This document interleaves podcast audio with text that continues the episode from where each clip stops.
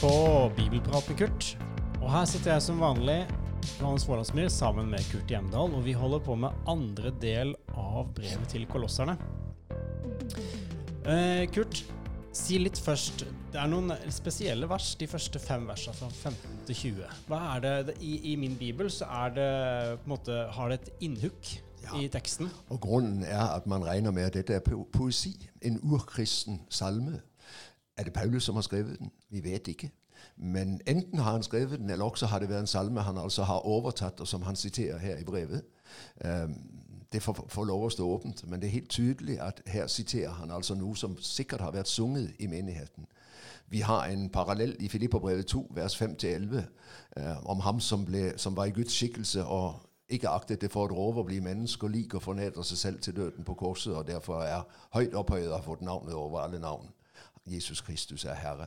Det er også etter all sannsynlighet en salme. Så vi har altså rett og slett spor av dette, at man sang salmer i den eldste menighet. Og det er jo veldig tydelig, både i Efeserbrevet og Kolosserbrevet, Paulus regner med salmer som en del av gudstjenesten, for i begge brevene taler han om å tale til hverandre med salmer, hymner og åndelige viser, eller åndelige sanger. Så, så Paulus synger, og de kristne synger. Det er ikke noe nytt. Kan du ta oss igjennom de første fem versene her? Og, og ja, du får ta et langt eh, og dypt pust, for at her, her kunne vi jo snakka om timevis om disse, disse fem versene. Det er fryktelig viktige vers. Men vil du ta oss ja, litt sånn igjennom det steg, steg for steg? igjennom, for dette er vers som er utrolig viktige. Eh, Når vi i kirken bekjenner Jesus som Gud og bekjenner troen på den treenige, så har det annet bakgrunn i disse versene hos Paulus. Både Paulus og Johannes har en tydelig kristologi som går på dette at Jesus er virkelig menneske født av Maria, men han er også evig Gud som er steget inn i tiden. Og Hos Paulus så kommer det det aller sterkeste uttrykk nettopp her i Kolosserbrevet. Eh, For her forkynner han Kristus både som skaper og som forløser.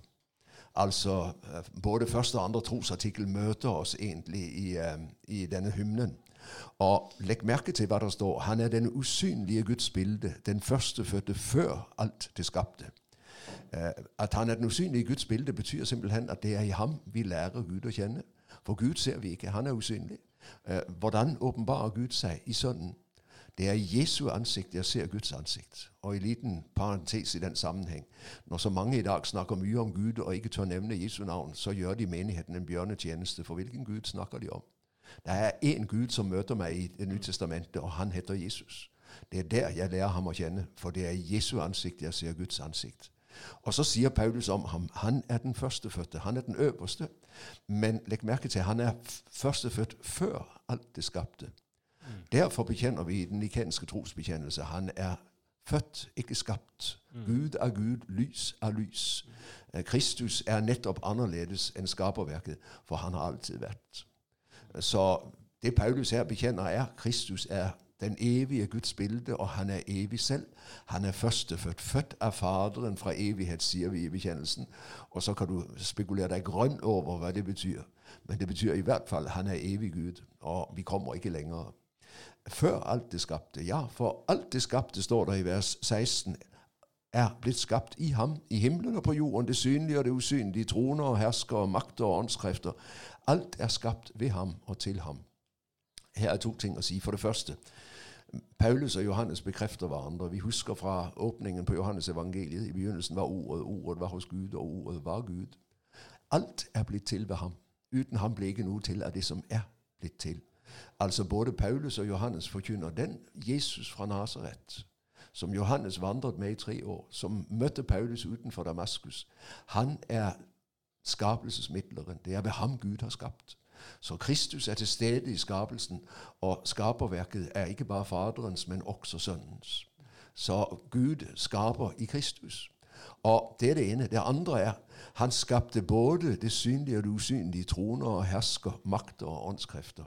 Her hentyder Paulus formentlig til disse nye lærerne som er kommet til Kolosset, som er veldig opptatt av makter og myndigheter i det himmelske. Og nå sier Paulus, i, eller i motsetning til hva de forkynte, nei, dette er ikke guder. Disse har ikke makt ved siden av Kristus. Kristus er herre over dem, og han har skapt dem. De er ikke evige og uskapte. Alle makter er skapt av Kristus, og derfor er Kristus alene den høyeste. Maktene har ingen selvstendig eksistens uten gjennom ham, og, og, derfor er det ingen grunn til å frykte dem, og det er ingen grunn til å løfte dem opp på høyde med Kristus, for de har ikke noe der å gjøre. Så Paulus setter allerede her grunnleggende noe på plass når det gjelder det han siden kommer tilbake til om den forkynnelse som møter ham. Og så sies det i vers 17 han er før alt, og i ham blir alt holdt sammen. Hans skapervirksomhet er ikke ferdig. Han er den første. Ja, før noe ble skapt, var Kristus. Men han er samtidig den som hebreerbrevet sier det slik, som bærer alt ved sitt mektige ord. Han holder alt sammen. Så det at skaperverket er i funksjon, at eh, balansen opprettholdes så skaperverket kan fungere, det er i virkeligheten Kristi verk. Du har med skaperen å gjøre ved det eneste åndedrag du trekker. Hvert eneste sekund du puster. Han holder alt sammen. Så Kristus er mye, mye større. Og til en avkristne virkelighet i dagens Norge så kommer dette ordet og sier, kjære venner, uten Jesus var du ikke. Og hadde du ikke eksistens. Enten du tror på ham eller ei, han er mye viktigere for deg enn du er klar over. Det er første delen av salmen. Kristus som skaper, skaperen og skapelsesmidleren. Det andre, og det er parallelt, han er hodet for kroppen som er kirken. Han er opphavet, den førstefødte fra de døde. Så møter du igjen uttrykket 'den førstefødte'. Men her er en grunnleggende forskjell til første gang det brukes i vers 15. For der er han førstefødt før alt det skapte. Nå er han førstefødt fra de døde. Ja, for han er blitt menneske. Han er steget ned og blitt en av oss. Og så er han den som bryter dødens makt når han påskemorgen går ut av graven. Men der er han den førstefødte, for hans oppstandelse borger for din og min oppstandelse. På grunn av ham skal vi alle en dag oppstå. Og Derfor er Kristus både skapelsesmidler, men han er også frelsesmidleren. Det er ved ham du og jeg får del i forløsningen, og derfor han er hodet for kroppen, kroppen som er kirken. Det er ut fra Kristus at kirken blir til. Før ham er der ingen kirke. Han er den som skaper den gjennom sin døde oppstandelse og ved åndsutgytelsen på pinsedag. Og han leder sin kirke. Han er hodet. Og kirken er en levende organisme. Det er ikke en organisasjon. Det er Kristi legeme, fylt av ham. Og Derfor er han hodet. Han er den som styrer og holder hele kirken sammen og gir den liv fra sekund til sekund. Så han er både skapelsesoppholderen og han er kirkeoppholderen. Og Grunnen til det at han skal være den førstefødte. jord. siste setning i vers 18, så han i ett og alt kan være den fremste. Ingen skal rokke ved Kristi høyhet. Det var det de prøvde på i Kolosset, disse nye lærerne. Eh, de eh, plasserte en hel masse ved siden av ham og sa at det må også med. Nei, sier Paulus. Og Det samme i Galaterbrevet, når de vil legge til lovgjerninger. Nei, sier Paulus. Kristus alene. Og Det er det han her understreker. Jesus alene er frelser og skaper, og ved ham er det du og jeg eier liv både i fysisk og evig betydning. I ham er det vi kjenner Gud. Og Grunnen til dette det er Guds evige fortsett, vers 19. For i ham ville Gud la hele sin fylde ta bolig, og ved ham ville Gud forsone alt med seg selv, det som er på jorden, det som er i himmelen, da han skapte fred ved hans blod på korset. Hva er det Paulus sier? Jo, når Kristus står frem som Messias i Israel, så bor Gud i ham med hele sin fylde fylde, sa jeg uh, i første podkast om mm. Kolosserbrevet, var formentlig et yndlingsuttrykk for disse nye lærerne som var kommet til Kolosset. Og Nå henter Paulus det frem og sier nei, Kristus er ikke avhengig av noen andre makter for å eie Guds fylde. I ham har Gud lagt hele sin fylde bo. vil Si, når jeg møter Jesus, så møter jeg Gud. Jesus sa det til Philip. Den som har sett meg, har sett Faderen. Johannes 14, 14,9. Mm. Philip sa, vis oss Faderen. Philip, så lang en tid har jeg vært hos deg, du har ikke lært meg å kjenne. Å se Jesus er å se Gud. Så i Kristus er hele Guds fylde. Og dette er oppsiktsvekkende. For hvem er Kristus? Han er Jesus Kristus. Han er mannen fra Nasaret. Og for en gresk tanke er det utenkelig at et menneske kan være Gud, og at Gud kan bo i et menneske. Eh, varig, altså at det er enhet mellom Gud og menneske i Kristi person. Det er en meget anstøtelig tanke for grekerne. Men Paulus fastholder altså dette. Når du møter Jesus, så er det Gud selv du møter. Og hvorfor ville Gud la hele sin fylde ta bolig i ham? Gjennom ham forsoner han alt med seg selv. Og så kommer vi til enda en oppsiktsvekkende påstand i Kolosserbrevet. Paulus har forkynt Kristus som Guds evige skapelsesmidler, som den igjennom hvem Gud formidler frelse, forløsning til slekten. Og nå sier han den forsoning Kristus tilvejebringer på Golgata i sin død, den er kosmisk i sine dimensjoner. Han er ikke bare den som forsoner slekten. Vi husker 2. Korinterbrev 5,18. Gud ville forsone verden med seg selv, oss. Ja, men alt det skapte, både det synlige og det usynlige, hele den verden som ble skapt, ble lagt under synden, skriver Paulus i Romerne 8, vers 19, på grunn av Adams fall. I Kristus forløses alt. Og i Kristi død på korset så er altså forsoningskraften ikke bare så sterk at slekten kan bli forsonet med Gud, men alt det skapte kommer på plass igjen. Den uorden som syndefallet skapte, med spenning mellom Gud og menneske, menneske og menneske og menneske og den øvrige skapning, oppheves i Kristi forsoning, slik at når forsoningen fullbyrdes i Kristi gjenkomst, så så Johannes en ny himmel og en ny jord, mm. Hvor alt er harmoni, og hvor alt er på plass. Så i, på Golgata eh, så er det for snevert å tenke nå ble slekten forsonet med Gud. Nei, sier Paulus. Mm. Alt det skapte ble forsonet med Gud. Nå kan på en måte paradis gjenoppstå, mm. men i en enda herligere skikkelse. ikke sant? Så Golgata er tilværelsens sentrum. Der tilveiebringes forsoning. Og han som gjør det, han er den evige skapelsesmidler. Han er frelsesmidleren. Og det er en ufattelig tanke. Og du kan gjerne la den få lov å synke litt i deg, til tilbedelse og undring. Han som henger på det midterste kors, er han som bærer skaperverket. Mm. Han er den som holder alt sammen. Der dør han og går under, ser det ut som. Men det er altså Gud selv som her går under for å frelse oss fra Guds vrede og dom inn i Guds nåde til barnekår og salighet. ikke sant? Mm, mm. Og så er det en aldeles utrolig tanke at Gud går så langt ned. Men nettopp på den måten er det altså ved å gi seg selv at han kan frelse oss og vinne evigheten til oss. Mm.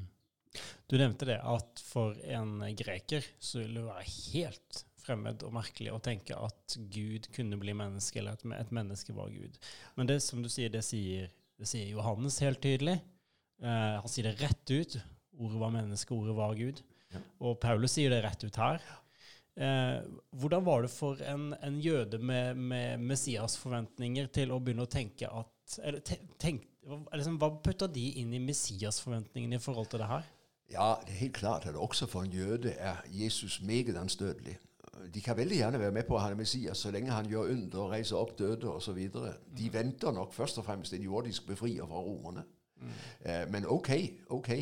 Men det som er aldeles uspiselig for jøden, det er jo at han dør på korset. Mm, ja. Fordi Moseloven sier at forbannet er den som henger på et tre. Messias kan ikke henge på et tre. Man kan ikke være forbannet. Så, så det virkelige anstøt for jøden ligger i og for seg ikke i at Gud blir menneske jødene så stort på den fysiske skapelse. De har ikke noen mm. greske tanker om at skapelsen er noe mindreverdig og noe ondt. Mm, mm. Men, men, men, det er utenkelig at Messias skal lide og dø, ikke tale om. Og Derfor er det jo de reagerer så sterkt allerede Peter ikke sant? når Jesus sier 'jeg skal gå til Jerusalem og dø' på et kors. Mm. Og, og, det er de jødiske myndigheter som skal ta livet av ham sammen med romerne. Så reagerer han umiddelbart og sier 'her, det der må du bare slutte med'. Sånn kan du ikke snakke. Mm, mm, for, for, for, det er helt utenkelig. Og Derfor er det for jøder en dårskap og for, heden, eller for jøder et anstøt, og for hedninger en dårskap. For det er dårskap. Gud kan gjerne ta menneskeskikkelse. De greske guder de stiger ned på jorden. Zeus går omkring og leker menneske. Men, men det er nettopp bare en forkledning. Mm. For de kan ikke være mennesker. De kan godt ikle seg et menneske. Mm, mm. Og derfor er gnostisismen det den sier, det er jo ved dåpen i Jordan så steg Gud inn i mennesket Jesus. Og i Getsemane forlater han ham. For Gud ja. kan ikke dø på korset. Mm. Og Derfor så, så, plasserer man Man kan være med et stykke på vei på at Jesus var guddommelig en, en periode at han var et stort menneske, og at Gud bodde i ham en stund. Mm. Men at Gud la seg føde som en baby, og at han dør på et kors, ikke tale om. Og Derfor, både her og likedan i Johannes 1, 14, og ordet 'ble kjørt' nei, sier grekerne, ikke tale om. Det går ikke an. Mm. Og, og, så, så provoserer Johannes kolossalt, og Paulus tilsvarende her, når de sier det de gjør. I ham bor hele Guds fylde. Han er Gud selv. Dette mm. mennesket. Nei. Jo. Og så står kampen der. Så kan man kanskje tenke at ja, det her blir sånne teologiske spissfindigheter, men det er en ting som har slått meg, det er hvor ekstremt viktig nettopp dette her om hvem Jesus egentlig er. Du vet, Hvis ikke han var evig Gud, så hadde han ikke evig frelsesmakt. Nei, ikke sant? Og derfor, Hvis ikke Gud er i Kristus når han forsoner verden med seg selv, så er den forsoning null verdt. Mm. For, for hvis han bare er menneske, så er han et syndig menneske. For der finnes bare syndige mennesker inntil Maria føder Guds sønn. ikke sant? Mm. Så, så både med tanke på frelsens rekkevidde og på det at han i det hele tatt skal være frelser Ja, han må nettopp være Gud menneske. Så forutsetningen for. La meg nå få lov å tale litt teologisk, da. Forutsetningen for soteriologien, frelseslæren, det er inkarnasjonen og kristologien, altså Mm. læren om hvem Mm. Kristus er. For det er ut av dette at Kristus er Gud menneske, at vi i neste omgang kan møte ordet om korset med frelseskraft i seg. Mm. Så de tingene henger på det nøyeste sammen. Og Derfor ser vi jo at Paulus her i Kolosserbrevet altså ikke begynner med korset, han Mm. begynner med kristologien. Hvem er Kristus? Mm. Og ut fra det sier han så ved ham var det Gud forsonte Mm. med seg selv. ikke sant? Jeg synes Det er fascinerende det som Johannes sier i Det er vel første Johannesbrev, når han sier at, eh, at enhver ånd som ikke bekjenner Kristus. at Jesus er Kristus kommet i kjød, det er ikke av Guds ånd. Og det er jo nettopp det vi snakker om nå, at man ikke holder fast på hvem at Jesus er Gud kommet i kjød. Så er det ikke. Og det er jo oldkirkens store store stridstema. Altså fra Mm. øh, langfredag og påskemorgen frem til du kan si 450, når den kristne øh, kirke endelig fastsetter læren om hvem Jesus er, og om hvem Gud er, henholdsvis at Jesus er den sanne Gud og sant menneske, og at Gud er den treenige, så er det jo her striden står gjennom hele oldkirken. Fordi man kan akseptere at Kristus er stor, men ikke så stor. Og når Arius, diakonen i Alexandria rundt 320, øh, skal utforme sin kristologi, så gjør han Kristus til det største mennesket som noen gang har levet. Han er øh, uendelig stor, men han er skapt. Mm. Mm. Han er ikke født før all skapelse ble til. Mm. Så, så der er det jo arianismen kjører seg ut, og, og vi får en enorm strid i kirken mellom dem som sier Kristus er stor, men han er et menneske, og Athanasius og den Mm. ortodokse kirkelærer som sier han er sann Gud, sant menneske. Noe de bygger på nettopp Paulus og Johannes. ikke sant? Mm. Og hvis Kirken ikke hadde klart å lande i de bekjennelsene som de gjorde i hva er det, 451, Ja. Så hadde det faktisk ikke vært noen kirke, da. Nei, nei, da hadde det hele løpt ut i sanden. Mm. Så, så kirken heng, står og faller med dette at Kristus Mm. virkelig er sann Gud og sant menneske. Eh, og det er som sann Gud og sant menneske han dør på korset, og det er derfra frelseskraften på korset kommer. Mm. Det ble det en lang bolk om kristologi, men det er jo superviktig, så vi får bare si at sånn, sånn ble det. Vi går videre til vers eh, 21. Og her sier Paulus at også dere var en gang fremmede og fiender av Gud i sinn og tanke med de onde gjerningene deres. Og jeg tenker tilbake når vi var i, i Romerbrevet, der Paulus bruker så mye tid, å, tid på å vise menneskets håpløse tilstand overfor- Guds rettferdighet. Og det er jo veldig interessant at her går han altså rett fra et tungt til kristologisk avsnitt om hvem Jesus er, ikke sant? Eh, til for det første forsoningen i sin kosmiske dimensjon, og så i neste øyeblikk rett inn i menigheten i Kolosse. Dette som kan virke som tung teologi, svevende høyt i det blå, det vedkommer i høy grad dere. For nettopp fordi han er den han er, så kunne han forsone også dere med Gud. Og der ligger deres frelsesgrunn. ikke sant? For dere var fremmede, dere var fiender, dere sto utenfor. Men nå, hvis du ser i vers 22, så har du det samme som i uh, Romerne 3. Men nå. Og, og her betyr det på en måte et avgjørende inngrep i historien og tiden. ikke sant? For idet Kristus dør på korset, så skjer det noe helt avgjørende for slekten. Der åpnes plutselig døren til paradis for en slekt som så langt har stått helt utenfor. ikke sant? I Kristus så går det an å være forsonet med Gud. Gud var imot oss pga. synden. Vi var imot Gud pga. synden. Nå kan vi som før var fiender, nå kan vi bli venner, og vi kan bli Guds barn. Jeg tenkte vi skulle stoppe opp med dette her ordet 'forsone', for det møter vi da også i vers 20, men vi møter det også igjen her i vers 22. Men nå har han forsonet dere med seg da Kristus led døden i sin kropp i, av kjøtt og blod. Og så tenker jeg dette ordet 'forsone' det er jo noe som Paulus har med seg fra sin jødiske bakgrunn. Eh, forklar oss litt den, den eh, den, den jødiske forståelsen av forsone, og her er vi jo inne i offerkulten og tempelet. Og, for det her er et, sånn et rikt bilde som Paulus uh, spiller på her. Ja, da, Det mest naturlige er jo rett og slett å gå tilbake til 3. Mosebok kapittel 16, den store forsoningsdag, Jom Kippur. ikke sant? Israel er et syndig folk. Hvordan kan det syndige folk leve med den hellige Gud? Det er umulig. Ja, hvis ikke Gud hadde skaffet til veie en måte det kan bli mulig på.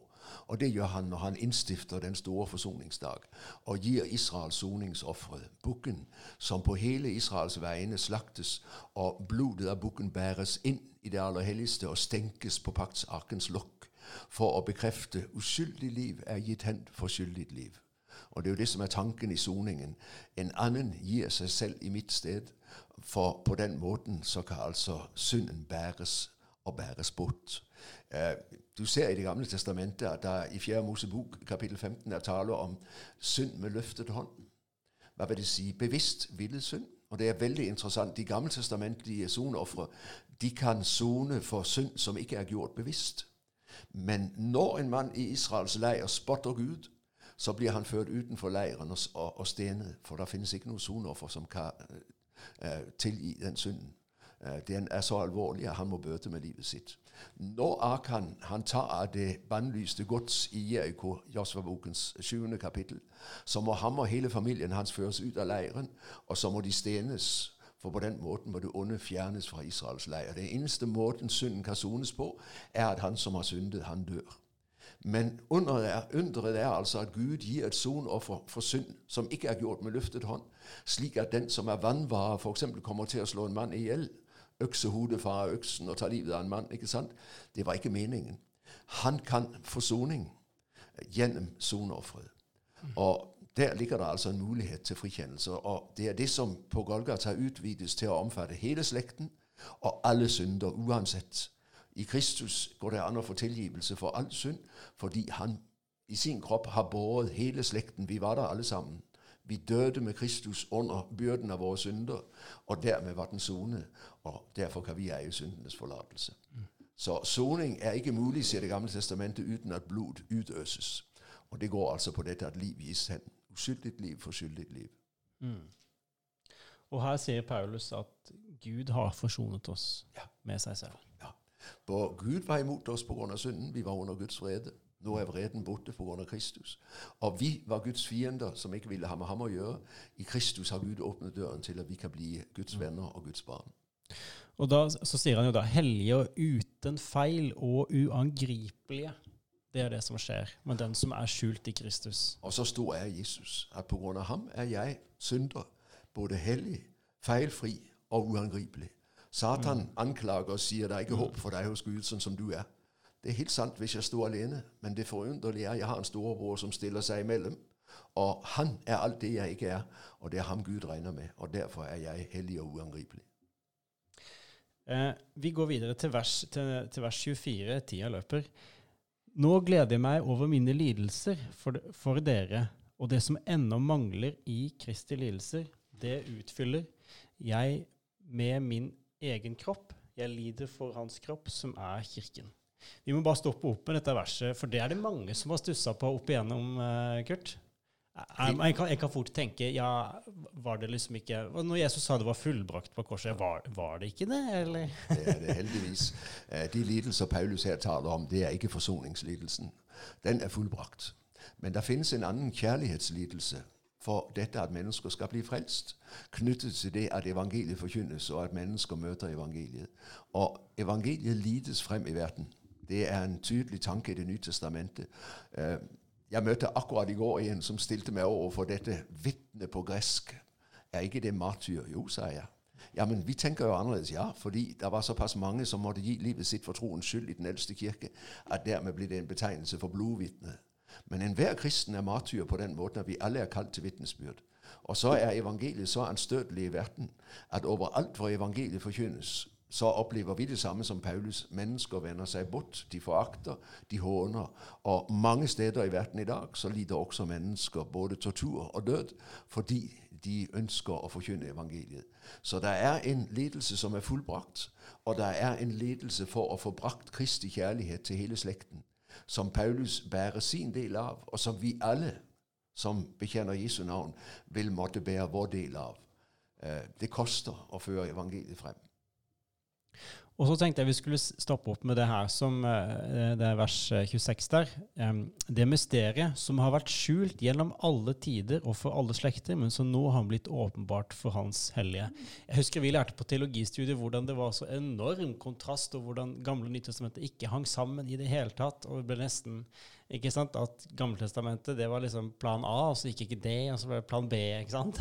Og det men, er så misforstått. Ja, det er ja, så misforstått som det er veldig i, i, langt unna det Paulus sier her. Gud frelser på samme måte i den gamle som i den nye pakt. Han frelser av nåde ved, det ved offeret som bæres fram. Og, og, Derfor er det ingen motsetning. Loven var aldri gitt for å frelse. Loven var gitt, sier Paulus i Romerbrevet, for å mm. avdekke synden. Mm. Så Guds plan A er hele veien Kristus. Og derfor ofrene i den gamle pakt, og derfor Kristi offer på korset. Mm. I vers uh, 27 så møter vi uh, det her. Gud ville kunngjøre for dem hvor Eh, rik og herlig dette mysteriet er for folkeslagene. Kristus er blant dere, håpet om herligheten. Det er kanskje et vers man har hørt eh, fra talerstolen noen ganger. Eh, en, på en måte en litt sånn rar formulering, eller vanskelig formulering å få tak i sånn umiddelbart. Hva mener Paulus med at håpet er Kristus blant dere, håpet om herlighet? Da må du tenke på, eh, må du tenke på den situasjonen som var at i den gamle pakt så er det Israel som er Guds utvalgte folk, og som har eh, åpenbaringsordet. Men med Kristus så sprenges alle grenser. Og det mysterium, den hemmeligheten, at Gud vil forsone verden med seg selv i Kristus, er ikke lenger bare for Israel, men for alle folkeslag. Så hemmeligheten det er at evangeliet nå går over alle grenser og når til jordens ender. Og dermed så er Kristus ikke lenger bare i Israel, men han er blant dere, altså hedningefolkene, mm. oss. Vi som ikke er jøder, vi får også del i forsoningen i Kristus. Og vi lukkes inn i samfunnet med Gud. Paulus sier det i Efeserne 2. Før var det fremmede og utlendinger, nå er er de helliges medborgere og Guds familie. Undret fra Golgata er at på grunn av Golgata så kan vi som før sto utenfor og så med lengselsfulle blikk mot det som Israel hadde del i, nå kan vi stige inn fra hedningenes foregård og gå rett inn i helligdommen og møte Gud selv og sette oss på hans fang og si 'far' og se ham opp i øynene. Det var utenkelig i den gamle pakt. Så hemmeligheten er at også hedningefolkene får lov å være med, og at Kristus altså ikke lenger er begrenset til Israel, men er overalt hvor han forkynnes. Mm. Tida flyr, men vi eh, må bare stoppe opp med det siste verset her, vers 29. For å nå dette målet arbeider og kjemper jeg i Hans kraft, det som virker i meg med styrke. Kan, vi, kan du, Kurt, kan du si litt altså konkret, hva er det Hvordan ser det ut? Jeg vet absolutt hvordan det kan se ut å kjempe og arbeide, men å kjempe i arbeidet i Hans kraft, hva tenker Paulus på her? Nei, han tenker jo på det at han holdes fast i tjenesten. At han igjen og igjen får nytt mot til å gå videre. At han både i sin bønn og i sitt vitnesbyrd legger merke til at hensikten er å undervise alle mennesker, vers 28, i den fulle visdom for å føre hvert menneske frem til modenhet i Kristus. Paulus tenker på alle de troende i menigheten i Kolosse. Hvert eneste av dem skal bevares og skal nå full modenhet og bli bevart frem til Kristus kommer, for del i Hans herlighet. Men Uavbrutt setter Satan inn alt han kan for å hindre at dette skjer. Og Derfor er Paulus helt avhengig av å være i samfunnet med Kristus og kjenne hans kraft og hente utholdenhet fra ham for å bli i bønnetjenesten, for å bli i vitnetjenesten, så han ikke trekker seg tilbake og sier 'nei, jeg gidder ikke mer'. Mm. Eh, det er såpass utmattende å stå i denne tjenesten at hvis ikke Herren selv holdt ham oppe, så hadde han gitt opp for lenge siden. Mm. Sånn, sånn, rent menneskelig så ville kanskje mange ha tenkt på Hvis jeg tenker på alt det Paulus opplevde av motgang og forfølgelser og vanskeligheter, og så bare Hvorfor gidder du?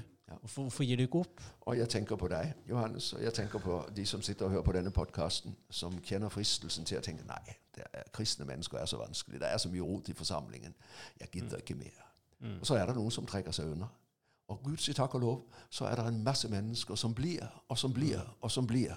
Ikke alle dager er like herlige, men uansett så blir de i sin bønnetjeneste og i, fellesskaps, uh, øh, i sin fellesskapssammenheng og er på den måten med til å bære Guds rike videre.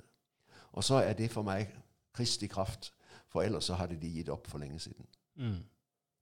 Det var kapittel én øh, av brevet til kolosserne, og vi gleder oss til fortsettelsen.